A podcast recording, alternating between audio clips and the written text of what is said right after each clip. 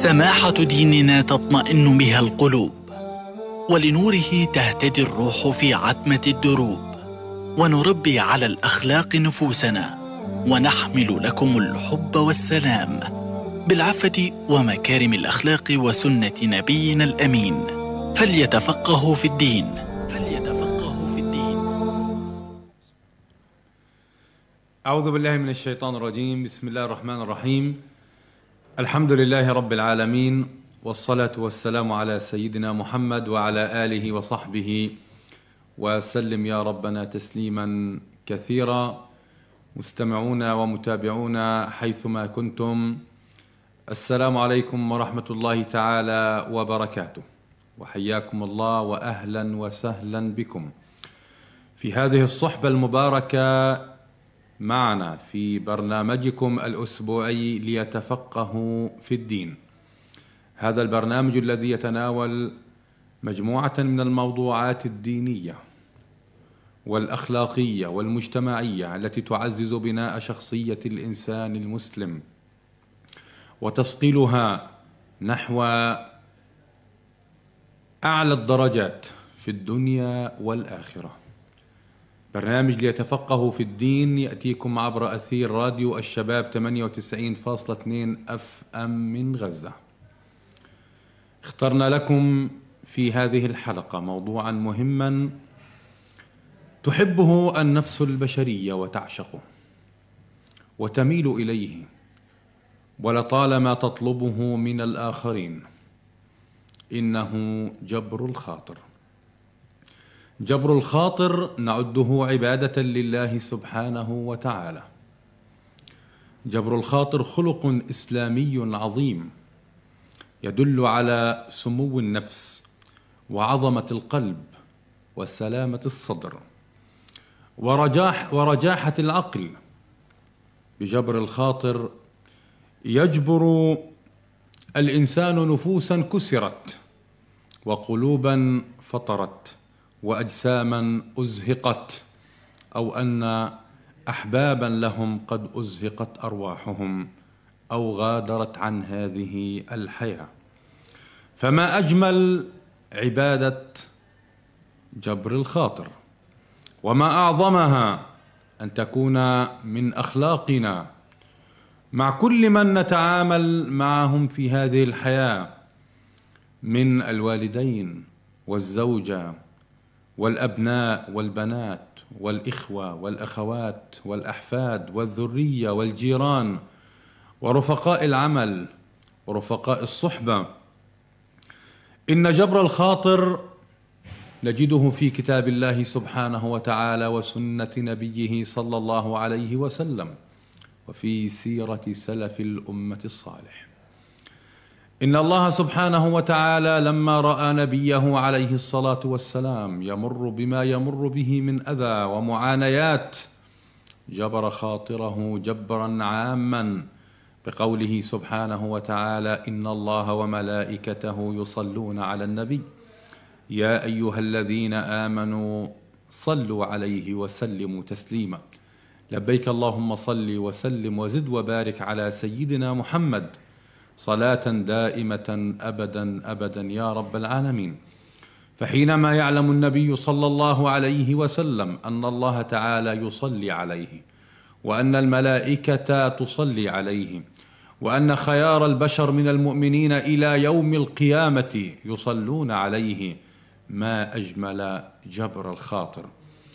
والنبي عليه والله سبحانه وتعالى يجبر خاطر زيد بن حارثة هذا الصحابي الذي تبناه النبي صلى الله عليه وسلم. ثم جاء القرآن الكريم في صدر سورة الأحزاب ليحرم التبني.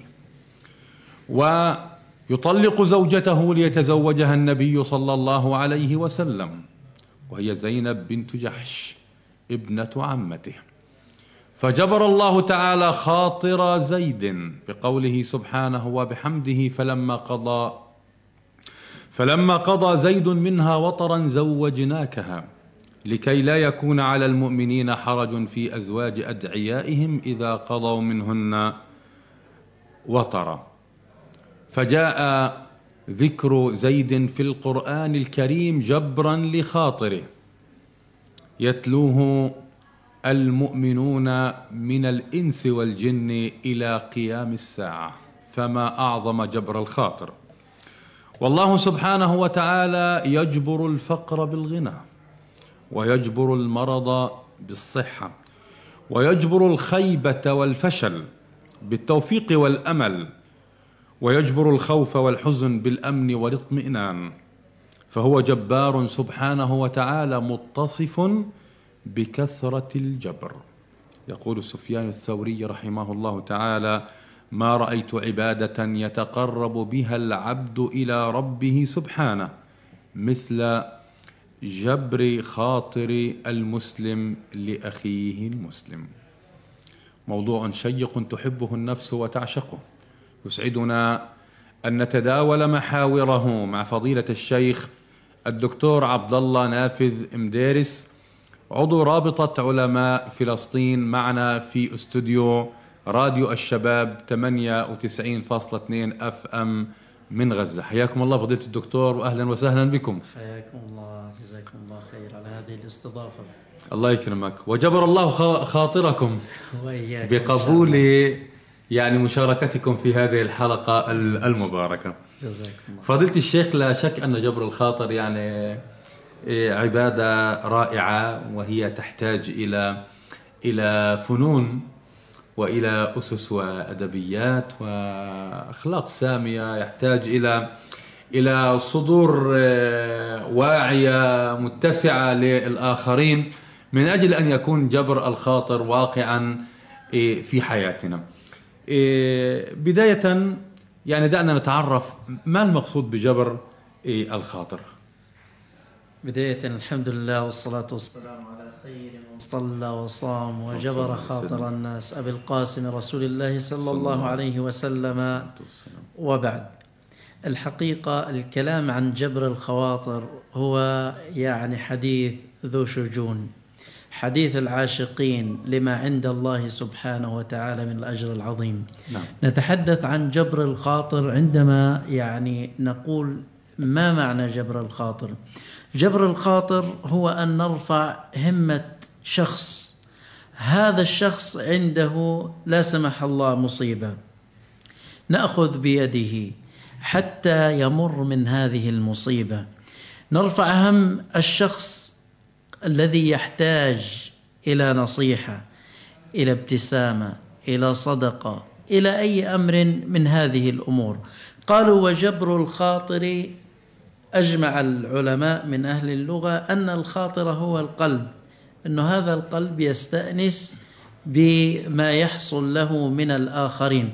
لذلك كان هذا الأمر قريب جدا لقلب الإنسان ومحبب جدا كما ذكرت لقلب الإنسان. لذلك فجبر الخواطر من أكثر العبادات التي يتقرب بها المؤمن إلى ربه سبحانه وتعالى.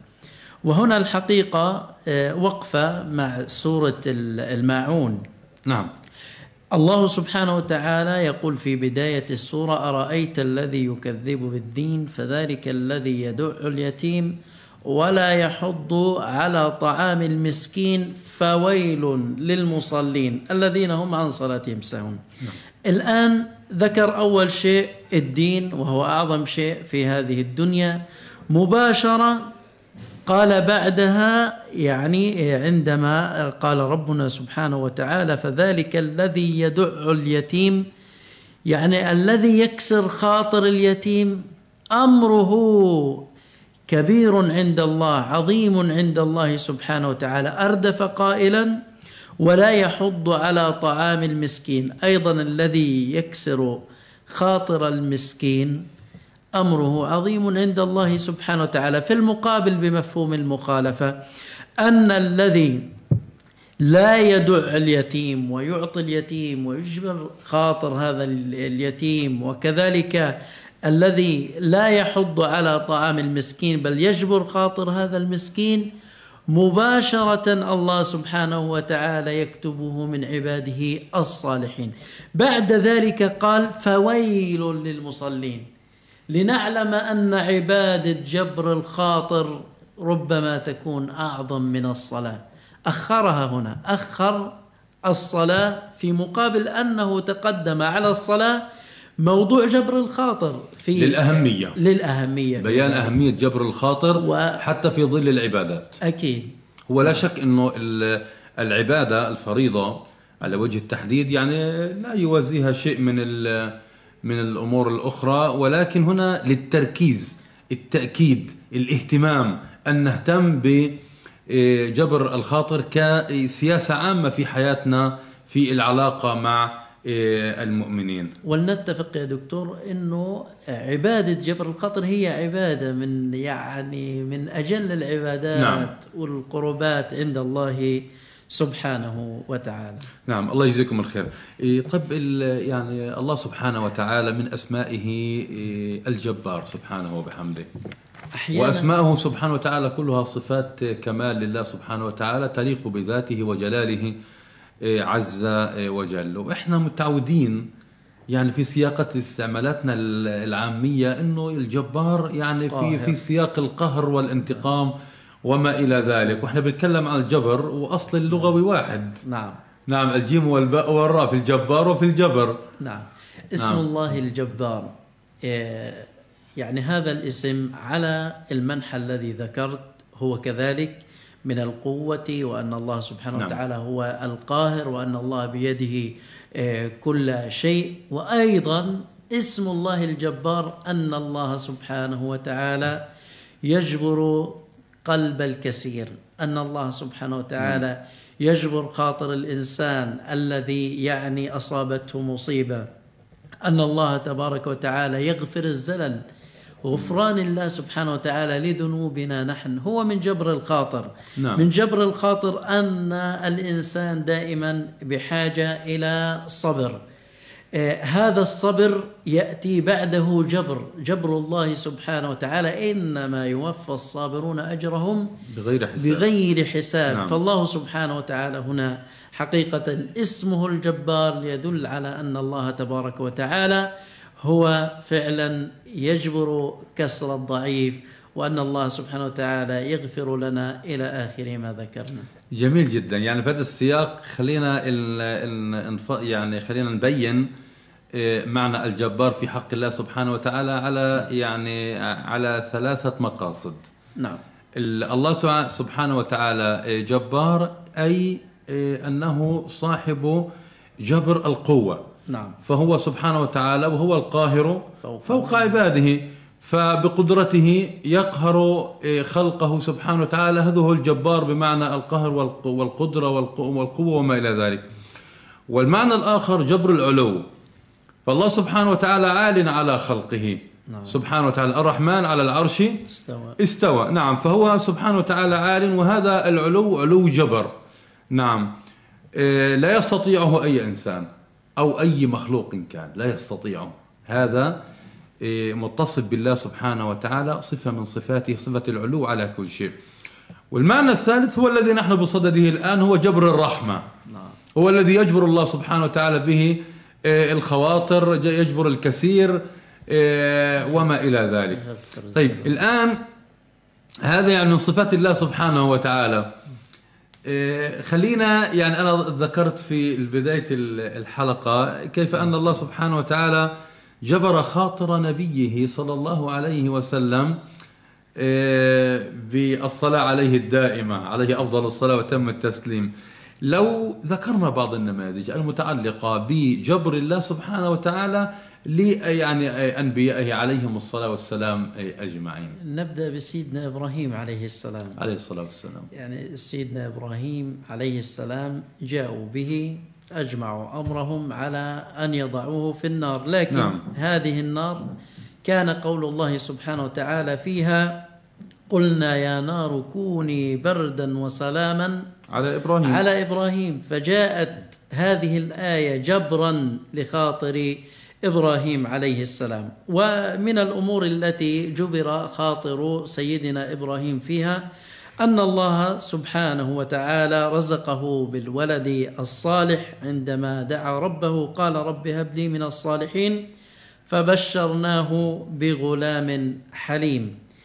وكذلك أيضا أن الله سبحانه وتعالى جبر خاطر نبيه موسى عليه السلام. نعم. فلما تراءى الجمعان قال أصحاب موسى إنا لمدركون. لكن في النهاية وأنجينا موسى ومن معه أجمعين ثم أغرقنا الآخرين.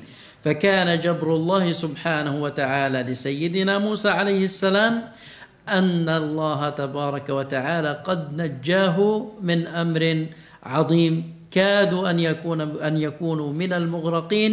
فنجاهم الله سبحانه وتعالى. والعدو الذي يخافه الناس هو الذي وقع في هذا الأمر وهذا من جبر الله تبارك وتعالى لنبيه موسى عليه السلام. كذلك الأمر أم موسى عليه السلام أيضا جبر الله خاطرها. فكان الأمر آه، أن يلقى في اليم. لكن بعد ذلك عندما جاء قول الله سبحانه وتعالى إذ تمشي أختك فتقول هل أدلكم على من يكفله؟ فرجعناك إلى أمك. نعم. كي تقر عينها.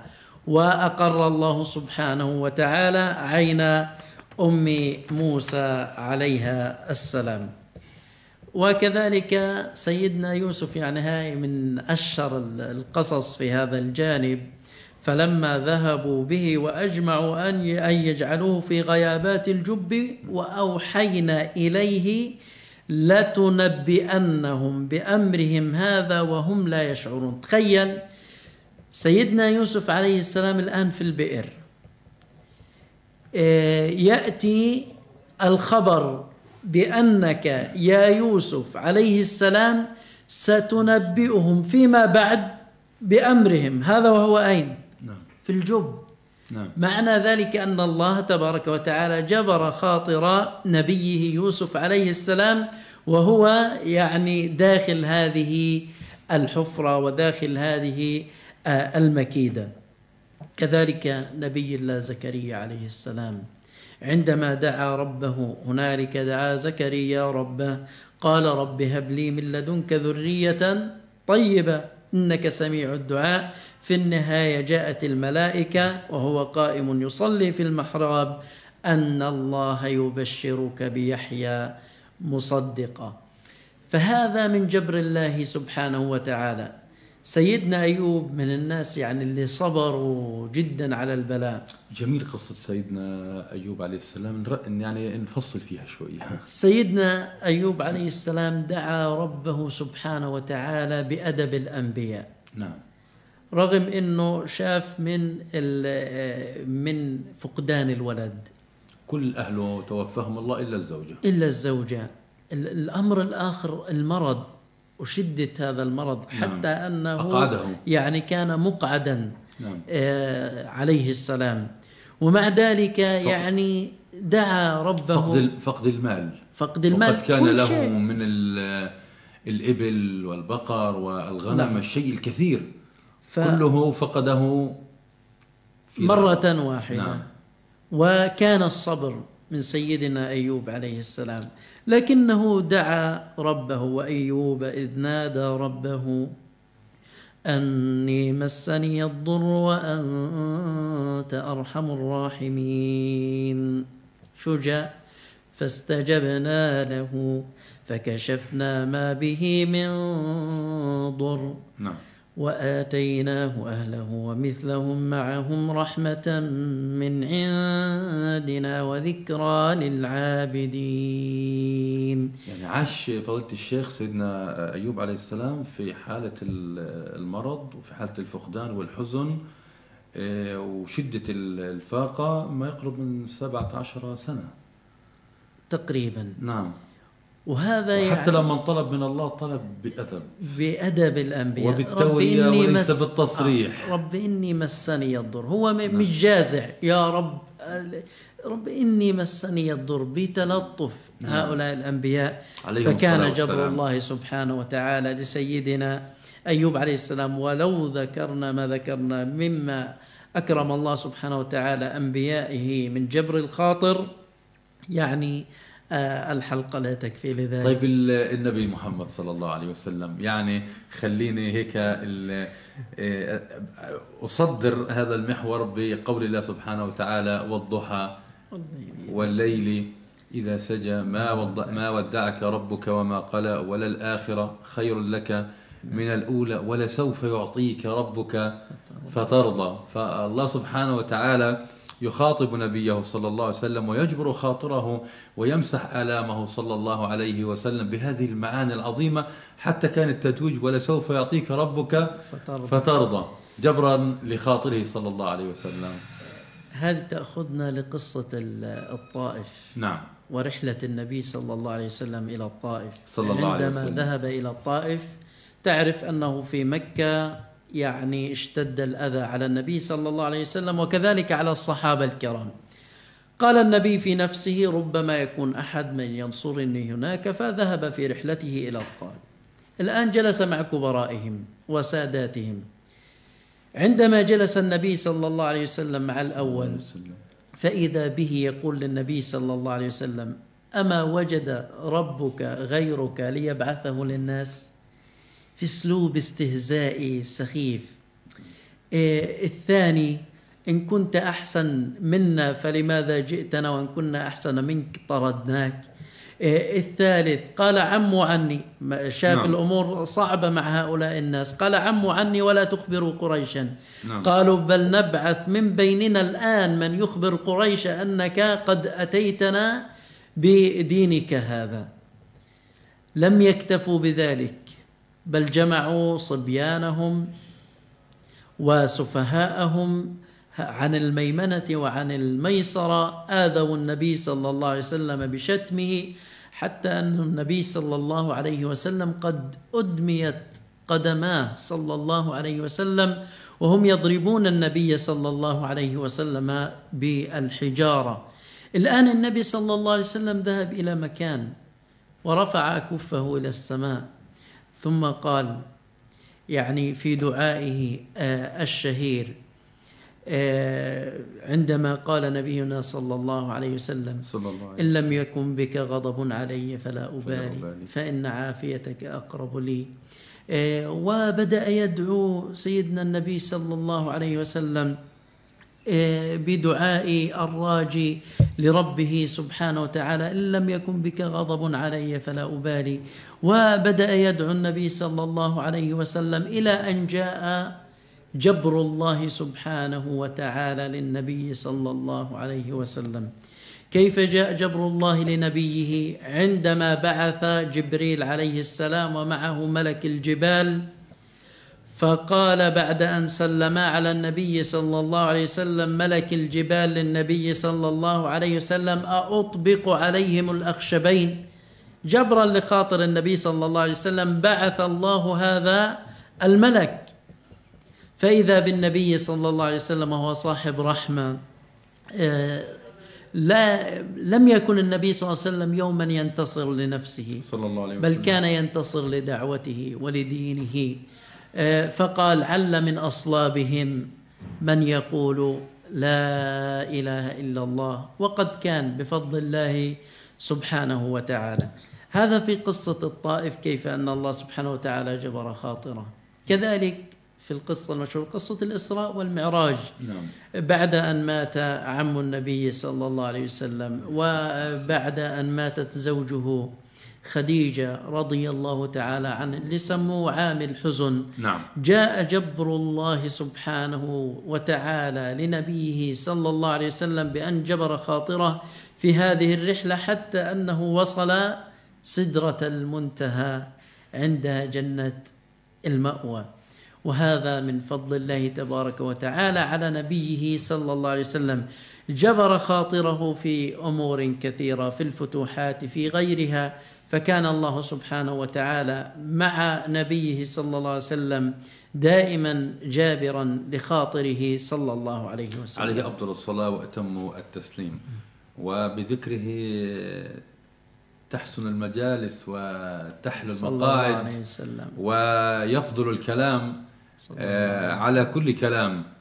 ذكر النبي محمد صلى الله عليه وآله وصحبه وسلم يا ربنا تسليما كثيرا. مثل النبي صلى الله عليه وسلم مدرسة كاملة في سياق تعزيز جبر الخاطر وتعليم الناس على هذا الأمر. ولعل النبي صلى الله عليه وسلم يعني يعلم أن أكثر ما يجبر خاطر الناس هو الكلمة. نعم.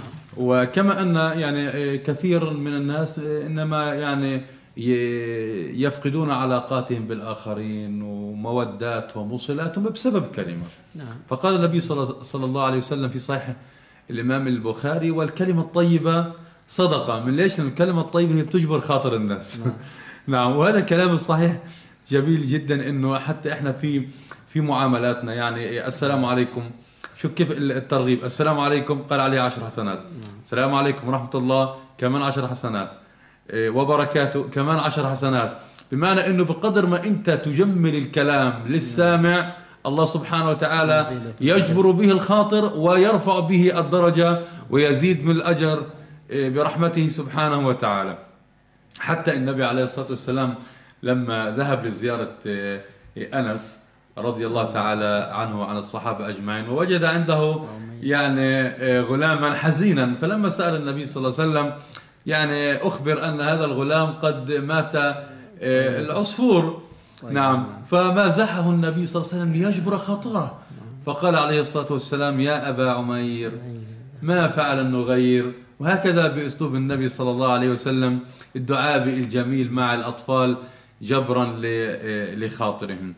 خلينا نشنف أذاننا هيك ببعض القصص النبوية. اللي فيها جبر الخاطر الله يجبر خاطرك يا شيخ ويجبر خاطر السادة المستمعين والمتابعين جميعا إن شاء الله. يمكن من الشغلات اللي في هذا السياق الرجل الذي بال في المسجد. نعم. أعرابي جاء إلى المسجد. طبعا بتعرف الأعراب في ذاك الوقت لم يعرفوا شيء اسمه. المسجد جاء وبال في المسجد. الصحابة الآن نهروا. نعم. آه، يعني حتى وصل لمرحلة أنه يعني إيش اللي بعمله أنا؟ نعم. تمام جاء النبي صلى الله عليه وسلم عندما يعني رأى أن هذا الرجل قد فزع وخاف فقال هل يعني آه، هريق عليه ذنوبا من ماء ذنوبا من ماء. وقال هاي, هاي القصة نعم. الآن بيطلع بسيدنا النبي صلى الله عليه وسلم لو يقول للنبي صلى الله عليه وسلم اللهم ارحمني ومحمدا نعم. ولا ترحم معنا أحدا أبدا. نعم حجر الواسع. فقد حجرت واسعا. نعم. فهنا سبحان الله أنه النبي صلى الله عليه وسلم جبر خاطره. مباشرة شوف الدعاء. الدعاء خطير جدا. اللهم ارحمني ومحمد يعني دخلني الجنة أنا والنبي صلى الله عليه وسلم وخلص. ولا ترحم أحد معك أحد معنا أحدا أبدا. على أنه كمية جبر الخاطر شو بتسوي في الإنسان. نعم. بيكون الأثر كبير بتعزز العلاقة والصلة والمحبة. كبير جدا جدا جدا. يعني آه، عبد الله بن مسعود رضي نعم الله رضي تعالى الله عنه. الصحابة شافوا دقة ساقي عبد الله بن مسعود ضحكوا. حفتوا قليلة يعني. آه. نعم. ما, ما الذي أضحككم النبي صلى الله عليه وسلم؟ قالوا والله دقة ساقي عبد الله بن مسعود. إيه، قال النبي صلى الله عليه وسلم والذي نفسي بيده. له ما أثقل في الميزان من أحد من جبل الله أحد. الله. تخيل وهذا أيضا جبل, جبل لخاطر عبد الله بن مسعود. عبد الله بن مسعود. اللهم صل على سيدنا محمد. آه، في قصة جليبيب. نعم. رضي الله تعالى عنه. وهذه من القصص الرائعة في جبر الخاطر. يعني كان جليبيب ذميم الخلقة لكنه يعني حسن الخلق. نعم. كان لا مال ولا عيال إيه، إنسان ليس بجميل. يعني ما في شيء يرغب الآخرين تجاهه بالزواج. فالنبي صلى الله عليه وسلم يعني إيه، يطرح عليه أمر الزواج فقال أنا بضاعة كاسدة. يعني تغلبش حالك معايا لسيدنا النبي صلى الله عليه وسلم. الآن النبي صلى الله عليه وسلم الموضوع هذا في باله بيجي راجل من الأنصار ويعرض عليه أي على النبي صلى الله عليه وسلم ابنته بعد أن توفي زوجها. وقال وكان من عاداتهم أنهم يعرضون يعني بناتهم, بناتهم على النبي صلى الله عليه وسلم. صلى الله عليه وسلم. بمعنى تخير لنا يا رسول الله. تخير لنا. نعم. الآن آه، قال له نعم. هش وبش قال إذن رسول الله يريدها. قال لكن ليس لي إنما هي لجليبيب مباشرة توقف. قال أبوها. آه، نريد أن يعني نستأمرها نعم. ونستشيرها فرجع إلى البيت فتداول الأمر مع أمها. فقال رسول الله صلى الله عليه وسلم جاءنا خاطبا. قالت أهلا وسهلا فهشت وبشت وانبسطت الرسول نعم. جاي يخطب ابنتها. نعم فقال لكن ليس له إنما لجليبيب مباشرة. معروف جليبيب. جليبيب يعني رضي الله عنه. صاحب الصفات كذا. فالآن مين بيسمع في الكلام؟ بيسمع البنت. البنت. نعم. قالت أأمركما رسول الله صلى الله عليه وسلم صلى الله بذلك عليه وسلم. قال أمرنا بذلك. قالت أوافق اذهبوا لرسول الله صلى الله عليه وسلم. رضي الله عنه. واعلم واعلموه. أن الله أني أريد أن أتزوج جليبيب بأمر رسول الله صلى الله عليه صلى الله عليه وسلم. وسلم. ويعني هنا كان جبرا لخاطر جليبيب رضي الله تعالى عنه في يعني آه، حياته. آه، ما هي إلا أيام قليلة؟ تأتي معركة من المعارك يستشهد جليبيب. جليبيب. رضي الله عنه. قال النبي صلى الله عليه وسلم, عليه وسلم. يعني آه، عمن تبحثون ابحثوا عن كذا فقالوا كنا نبحث اللي التاجر عن تاجر واللي فارس عن فارس واللي كذا ما حد بدور وما حدا. مدور على جليبيب. نعم. فقال أين جليبيب؟ يريد يعني أن يعرف أين جليبيب حتى أن النبي صلى الله عليه وسلم وصل إلى جليبيب رضي الله تعالى عنه حتى وصل جليبيب. يعني فكان جبر الله لجليبيب حيا وميتا. جبر النبي صلى الله عليه وسلم عندما قال أنت مني وأنا منك. الله. فكان هذا جبرا لخاطره وهو أيضا آه، ميت. وهذا يعني بيعطينا إشارة كبيرة آه، إلى أن آه، جبر الخاطر والنبي صلى الله عليه وسلم حتى بلال رضي الله تعالى عنه في فتح مكة في فتح مكة جبر خاطر بلال رضي الله تعالى عنه فقال له يا بلال كبر اذهب واصعد إلى الكعبة وكبر وقل الله أكبر. قبل يومين كان بلال رضي الله تعالى عنه يعني يعذب ويهان الآن في فتح مكة المنطقة اللي كان يعذب فيها ويهان فيها سيصعد فيها إلى أشرف مكان على هذه البسيطة. فقال لبلال كبر. الآن بدأ سيدنا بلال يعني يصعد لم يصل إلى إيه؟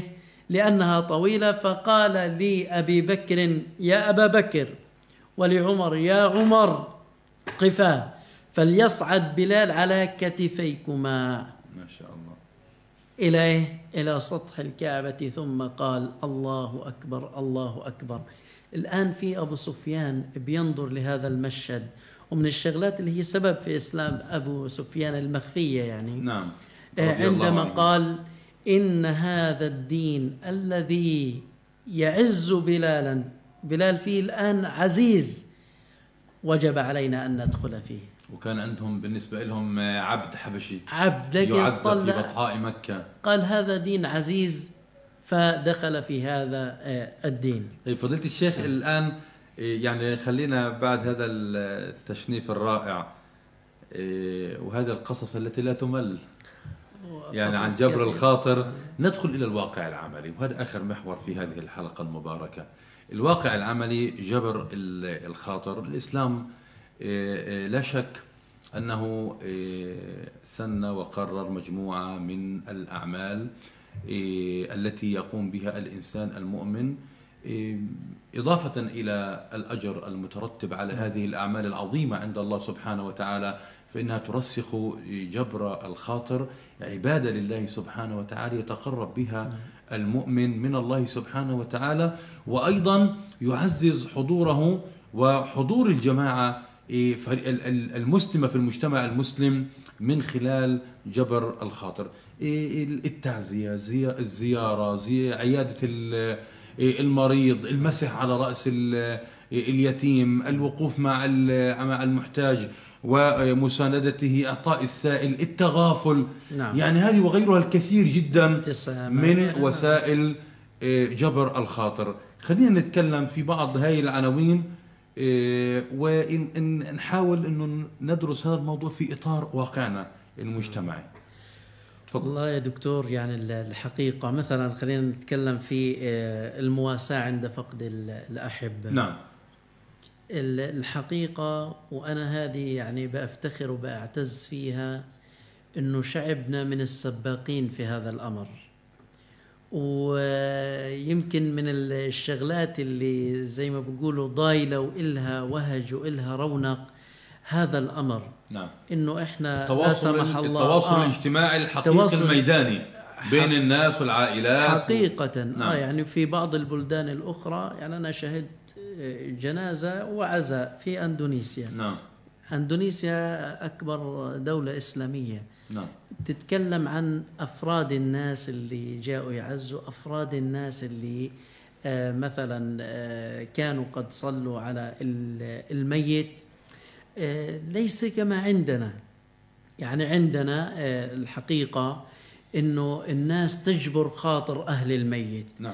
منهم من يقدم آه، الطعام ومنهم من يقف معهم وقفة حقيقية في دفع تكاليف العزاء ومنهم يعني ليس فقط العزاء الكلامي نعم. إنما يقفون وقفة والحضور وكذلك على الجنازة لما الأهل المتوفى نعم. بيجدوا يعني هذا الجمع الغفير الناس يستبشرون. ويعني يجبر خاطر خاطرهم بأن هذا إن شاء الله من يعني من عاجل البشارة لهذا الميت نعم. أن خلقا من المؤمنين يعني كبيرا يصلون عليه وهذه من الشغلات الحقيقة كما قلت لك يا دكتور إنه بنعتز وبنفتخر فيها إنها موجودة يعني في شعبنا شعب. العظيم نعم الآن قبول الاعتذار من جبر الخاطر نعم إنسان أخطأ في حقك يعني الأصل جاء إليك مستسمحا. خلص أن تقبل هذا العذر. إذا كان هذا توجيه الله سبحانه وتعالى. يعني من جبر الخاطر أن يعني هذا إنسان جاءك كثير ذليل من الآخر. برغم كل برغم آه كل اللي عمله خلاص. ويريد أن نعم. يستسمح والله يقول فاعفوا واصفحوا. ألا تحبون أن يغفر, أن يغفر الله, لكم؟ الله لكم. فمن جبر الخاطر لهذا الإنسان أن تعفو عنه. نعم. كذلك الأمر. تبادل الهدايا أحيانا من جبر الخاطر. آه، الابتسامة. وهذا, وهذا يعزز المحبة. تهاد وتحاب نعم حديث نعم. النبي صلى الله عليه وسلم في الأدب المفرد البخاري نعم. تهاد وتحابه نعم. كذلك الابتسامة. الابتسامة هذه سحر. نعم. في جلب الآخرين في جبر خواطرهم. يعني بديش أتحدث كثير أنه لكن آه، الشيء بالشيء يذكر. آه، يعني لما ذهبنا إلى أندونيسيا من الشغلات اللي كانت آه، صلة مع هؤلاء الناس طبعا أنا ما بتكلم أندونيسي. نعم. كان في حاجة اسمها الابتسامة سواء من طرفهم أو من طرفهم هم من نعم. بالمناسبة يعني ابتسامتهم ما ما بتغيب. على محياهم دائما. بالضبط. فكانت الابتسامة خليني أقول 90% من لغة التواصل اللي موجودة بيننا. نعم فالابتسامة كما قلت لك سحر. وعززها النبي صلى الله عليه وسلم حتى بالأجر. ربطها بالأجر في صحيح مسلم وأن تبسمك في وجه, وجه أخيك صدقة آه، صدقة. نعم. أيضا قضاء حوائج الناس. نعم. والسهر على ذلك. هذا من أعظم القربات إلى الله سبحانه وتعالى بل هو من جبر خاطر الناس. يعني قد يكون صاحب المظلمة صاحب الشأن جالس في بيته وأنت تفكر كيف أريد أن أقضي له حاجته. هذا أمر ليس بسيطا. من يؤتى هذا الأمر أصحاب النفوس الكبيرة. ولا يوفق لهذا الأمر إلا أصحاب القلوب آه، الكبيرة. نعم. كذلك آه، زيارة المرضى آه، هذه لها دور. في شغلة اسمها فهم النفسيات. نعم. في بعض الناس يعني قد يعجبه شيء لكن الآخر لا يعجبه هذا الشيء هذه الفروقات. إنك تعرف نفسية الناس وتخاطبهم على قدر عقولهم كما كان آه، النبي صلى الله عليه وسلم قد خاطب الناس على قدر عقولهم. الحقيقة الكلام في ذلك آه، يطول. وإنزال الناس منازلهم وإنزال الناس منهج. النبي صلى الله عليه وسلم في جبر خاطر. إيه، فضيلة الشيخ لو تحدثنا في إطار البيت بصورة سريعة. في إطار البيت كيف الزوج بده يجبر خاطر زوجته؟ الزوج بده يجبر خاطر زوجها؟ ال ال البنت في البيت شايفة أمها مثلا تعبانة وبتشتغل في المطبخ تجبر خاطرها تقوم تاخذ عنها الولد؟ يعني المنظومة الأسرية المباركة هذه في تعاونها مع بعضها؟ تس- البعض. تستقيم تستقيم البيوت بالمحبة أولا نعم. والتعاون ثانيا. نعم. وكذلك جبر الخاطر ثالثا. الإيثار. مثلا. التعاون نعم. في أمور البيت. الآن مثلا لما نتكلم عن جبر خاطر ال- الزوجة الزوجة أحيانا اليوم إحنا عندنا اختبارات والنساء أغلبهم يعني وعندنا في بلدنا الله يجزيهم الخير آه، الأم قائمة على تربية أبنائها على الحقيقة. نعم. آه، فنحن الآن في خارج البيت وهم يدرسون والآن في اختبارات وكذا. آه، نرجع على البيت بجبرة خاطر. شو جبرة الخاطر؟ ممكن تكون هدية. ممكن تكون يعني آه، سيدي ريحها اليوم جيب لها مثلا آه، غدا. إلى آخر ذلك طبعا الكلام في ذلك يطول. طيب عشان إحنا وقت غدا بارك الله فيك. حياكم الله فضيلة الشيخ. جزاكم الله خيرا وبارك الله فيكم. مستمعونا ومتابعونا مستمعو راديو الشباب 98.2 أف أم من غزة. إيه، نشكر لكم استماعكم ومتابعتكم لهذه الحلقة المباركة من برنامج ليتفقهوا في الدين والتي كانت بعنوان عبادة جبر الخاطر. تعرضنا في هذا المقام إلى بيان معنى جبر الخاطر وبيان معنى اسم الله سبحانه وتعالى الجبار وكيف جبر الله تعالى. خاطر أنبيائه وخاطر النبي محمد صلى الله عليه وسلم وكيف جبر النبي صلى الله عليه وسلم خاطر أصحابه. إيه، الكرام وتطرقنا إلى بعض أبواب الخير التي تعزز جبر الخاطر في مجتمعنا الفلسطيني الحبيب. من سار بين الناس يجبر الخواطر أدركته عناية الله في المخاطر. باسمكم جميعا نشكر فضيلة الدكتور عبد الله نافذ مديس. الذي صحبنا في هذه الحلقة المباركة وعلى أمل أن نلقاكم في يوم الثلاثاء القادم بإذن الله تعالى الساعة الثانية بعد الظهر. خالص دعواتنا لكم أن يجبر الله تعالى خواطركم من محدثكم ورفيقكم في هذا البرنامج الدكتور محمد كمال سالم. والسلام عليكم ورحمة الله تعالى وبركاته. سماحة ديننا تطمئن بها القلوب ولنوره تهتدي الروح في عتمة الدروب. ونربي على الأخلاق نفوسنا ونحمل لكم الحب والسلام. بالعفة ومكارم الأخلاق وسنة نبينا الأمين. فليتفقهوا في الدين.